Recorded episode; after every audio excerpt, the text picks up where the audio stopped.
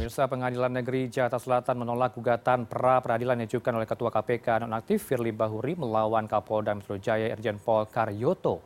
Status Firly sebagai tersangka dianggap sah sebab penetapan tersangka dilakukan sesuai dengan prosedur yang telah berlaku. Desakan agar Firly segera ditahan pun bermunculan. Kita bahas malam ini bersama dengan narasumber kami ada Mas Zainur Rohman selaku peneliti dari Pukat UGM. Selamat malam. Assalamualaikum. Mas Zainur, salam sehat. Selamat malam, Waalaikumsalam, Bang Heranov. Baik, kalau kita dengarkan kembali narasi dari uh, Hakim tadi, Mas Zainur, bahwa pertimbangannya adalah mencampur adukan antara pemohon yang diajukan oleh Firly Bahuri ini mencampur adukan uji formil dengan non formil. Kalau dari Pukat UGM seperti apa pertimbangannya? Ya, kalau kita baca dari permohonan pra peradilan Firly Bahuri memang pada prinsipnya mempermasalahkan dua hal utama kalau saya baca. Yang pertama adalah tata cara atau prosedur penetapan tersangka itu dianggap oleh Firly melalui kuasa hukumnya hmm. bertentangan dengan peraturan perundang-undangan.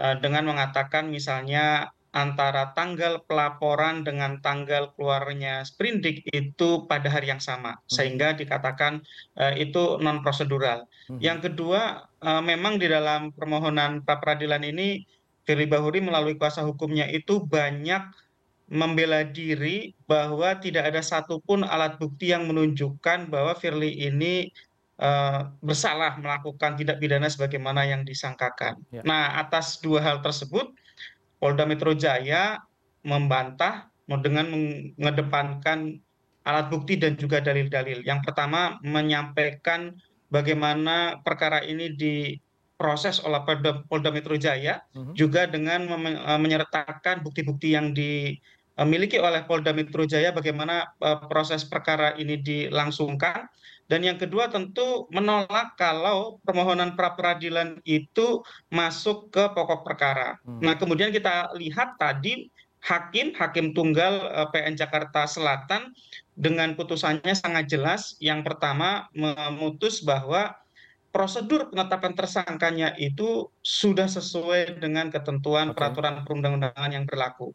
Yang kedua ya tentu tidak dapat menerima kalau forum pra peradilan digunakan untuk menguji pokok perkara sebagaimana diatur di dalam Perma 4 2016 hmm. bahwa pra peradilan itu tidak memeriksa materi pokok perkara. Dia hanya memeriksa syarat formil.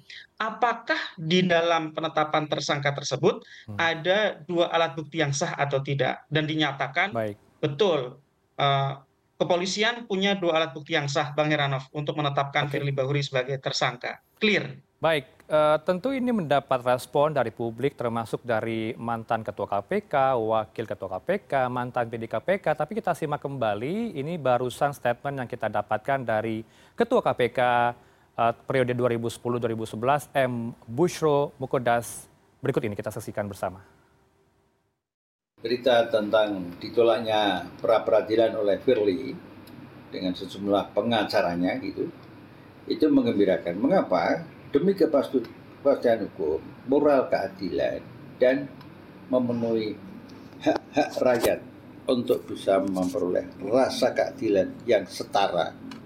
Maka penolakan hakim untuk pra peradilan itu memenuhi rasa keadilan masyarakat satu.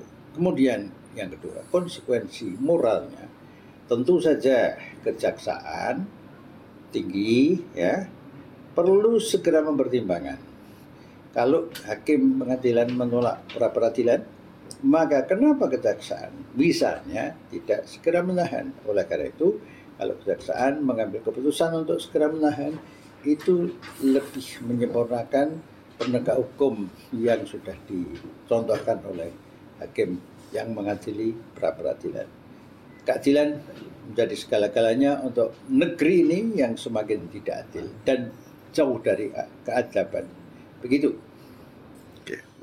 Ya, kami minta respon Anda, Mas Zainur. Uh, tadi dikatakan narasinya dari Pak Busro Mukodas uh, bahwa kenapa tidak ada mungkin ya peluang dari Kejaksaan Agung langsung saja menahan dari aparat penegak hukum pasca pra peradilan dari Firly ditolak oleh Kejaksaan. Silakan.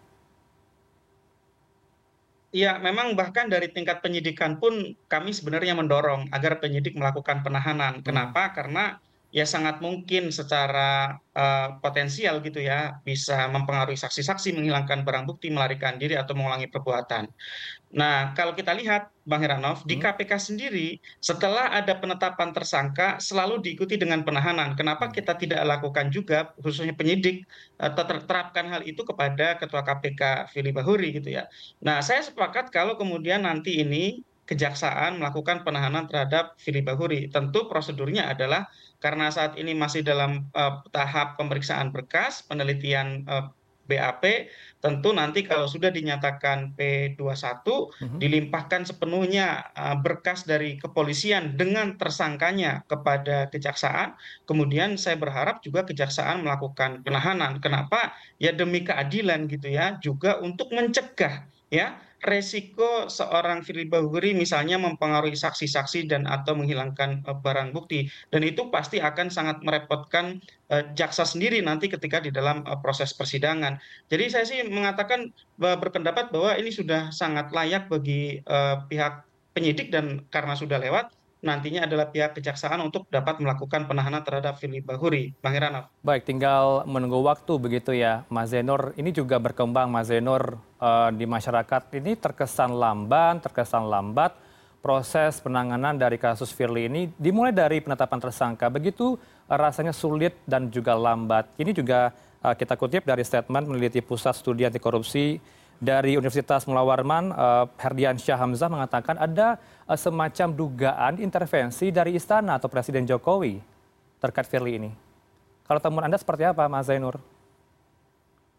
Ya, tentu menangani tersangka dengan level ketua KPK bukan perkara yang mudah ya. Hmm. Ini adalah seorang pejabat tinggi negara dengan kewenangan yang sangat besar, punya power, punya pengaruh, sehingga memang penyidik sangat hati-hati. Hmm. Saya percaya itu, bahwa penyidik tidak ingin membuat kesalahan sekecil apa pun yang membuka celah untuk digugat di proses uh, pra peradilan. Hmm. Dan itu ternyata sudah dilampaui dengan baik. Penyidik sudah berhasil mempertahankan status tersangka Firly dengan di, tidak diterimanya permohonan pra peradilan di PN Jakarta Selatan gitu ya. Hmm. Uh, tapi kalau memang uh, di ada pihak-pihak yang berpendapat bahwa ini memang terkesan uh, diulur-ulur gitu ya. Hmm. Saya melihat memang ini perkara cukup lama gitu ya untuk satu uh, perkara yang alat-alat buktinya terlihat sangat jelas gitu ya. Kenapa? Karena saksi-saksi uh, yang diperiksa itu juga jumlahnya hampir 100, hmm. juga ada pemeriksaan terhadap ahli, juga barang-barang bukti yang disita juga sudah sangat banyak dilakukan penggeledahan di berbagai tempat, tetapi kemudian penetapan tersangka dilakukan untuk uh, jangka waktu yang uh, lama setelah adanya uh, proses dimulai oleh uh, penyidik. Nah, tapi saya, saya sampaikan sekali lagi, menangani perkara ketua KPK itu bukan hal yang mudah. Mm-hmm. Uh, ini adalah penegak hukum dengan pengalaman puluhan tahun. Tentu kehati-hatian itulah yang diutamakan oleh uh, penyidik.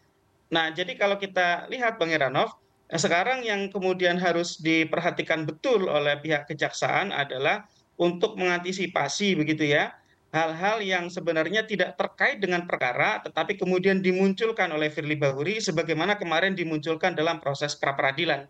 Proses pra peradilan kemarin Firly Bahuri memunculkan hal-hal yang tidak terkait dengan perkara misalnya uh, membangun satu teori konspirasi begitu ya bahwa dirinya menjadi korban dari serangan balik koruptor. Atau yang kedua, menuduh adanya campur tangan dari Irjen Karyoto, Kapolda Metro Jaya, untuk kemudian menersangkakan dirinya dengan meminta kepada Sarul Yassin Limpo untuk membuat laporan polisi. Nah, hal-hal seperti ini adalah upaya dari Firly Bahuri untuk berkelit dari jeratan hukum. Nah, ini juga saya percaya nanti di dalam proses uh, penuntutan pasti juga ada resiko-resiko yang harus dihadapi oleh pihak kejaksaan, khususnya jaksa penuntut umum ketika menuntut Firly Bahuri ini, sehingga dari Baik. sekarang hmm. harus dipersiapkan betul untuk dapat uh, mendakwa Firly Bahuri dengan sebaik-baiknya. Bang Heranov. Baik, terakhir uh, Mas Zedor, apakah Anda juga melihat di kepolisian sendiri ada tarik ulur, ada tekanan intervensi dari satu pihak yang ada di tubuh Polri? Tentu ya, sangat jelas ya ada dinamika gitu ya. Hmm. Karena Firly Bahuri juga kemudian pegang kasus gitu ya di KPK terkait dengan kasus korupsi pembangunan rel kereta api yang melibatkan uh, Direktorat Jenderal Kereta Api di Kementerian Perhubungan yang kemudian dihubung-hubungkan dengan uh, Jenderal Karyoto. Hmm. Tentu ini adalah satu dinamika yang uh, mau tidak mau harus uh, diperhatikan betul, tidak boleh disepelekan begitu saja bahwa ada dinamika untuk melihat uh, kedua perkara ini apakah perkara ini terkait atau tidak. Nah, saya melihat memang uh, kehati-hatian dari Polri itu jauh diutamakan dan juga bukan berarti Fili Bahuri diam begitu saja. Fili Bahuri juga saya lihat melakukan semacam tangkisan atau juga mungkin bisa dikatakan serangan balasan dengan kemudian di detik-detik terakhir menersangkakan Muhammad Suryo sebagai eh, tersangka kasus korupsi uh, kereta api Direktorat Jenderal Kereta Api Kementerian Perhubungan.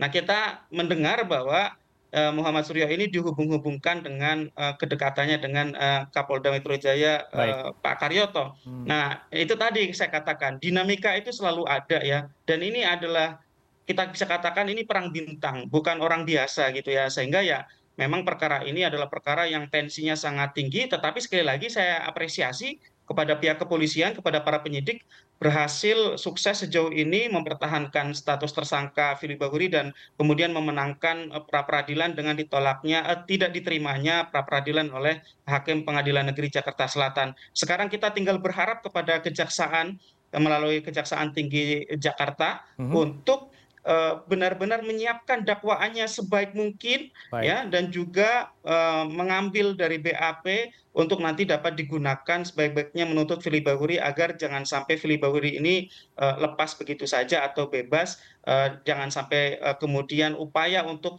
menersangkakan Fili Bahuri kemudian berujung sia-sia kalau dakwaannya tidak dipersiapkan dengan baik kita berharap ini menjadi uh, satu proses yang dapat menyehatkan KPK dengan ditetapkannya ketua KPK sebagai tersangka, maka kemudian uh, kita melihat ini sejarah baru di mana pertama kali seorang ketua Komisi Pemberantasan Korupsi menjadi tersangka korupsi dalam proses penegakan hukum korupsi yang melibatkan SEL. Ini kan triple ironi gitu ya. Baik. Ini sangat ironis gitu ya. hmm. ya. Nah, ini kemudian sekali lagi ini menjadi pembelajaran penting buat semua untuk jangan sekali-kali melakukan korupsi atau menyalahgunakan kewenangan apalagi dengan posisinya sebagai uh, ketua KPK. Bang Heranov. Baik, kita tunggu persidangan apakah akan ada nanti uh, kejutan yang akan dilakukan oleh Firly mengungkap uh, beberapa pihak yang mungkin ada juga dugaan terlibat kasus tertentu. Kita akan simak nanti di persidangan apa yang akan disampaikan oleh Firly Bahuri. Terima kasih Mas Zainur Rohman selaku peneliti Pukat UGM bersama kami di Prime News. Selamat malam. Assalamualaikum. Selamat malam.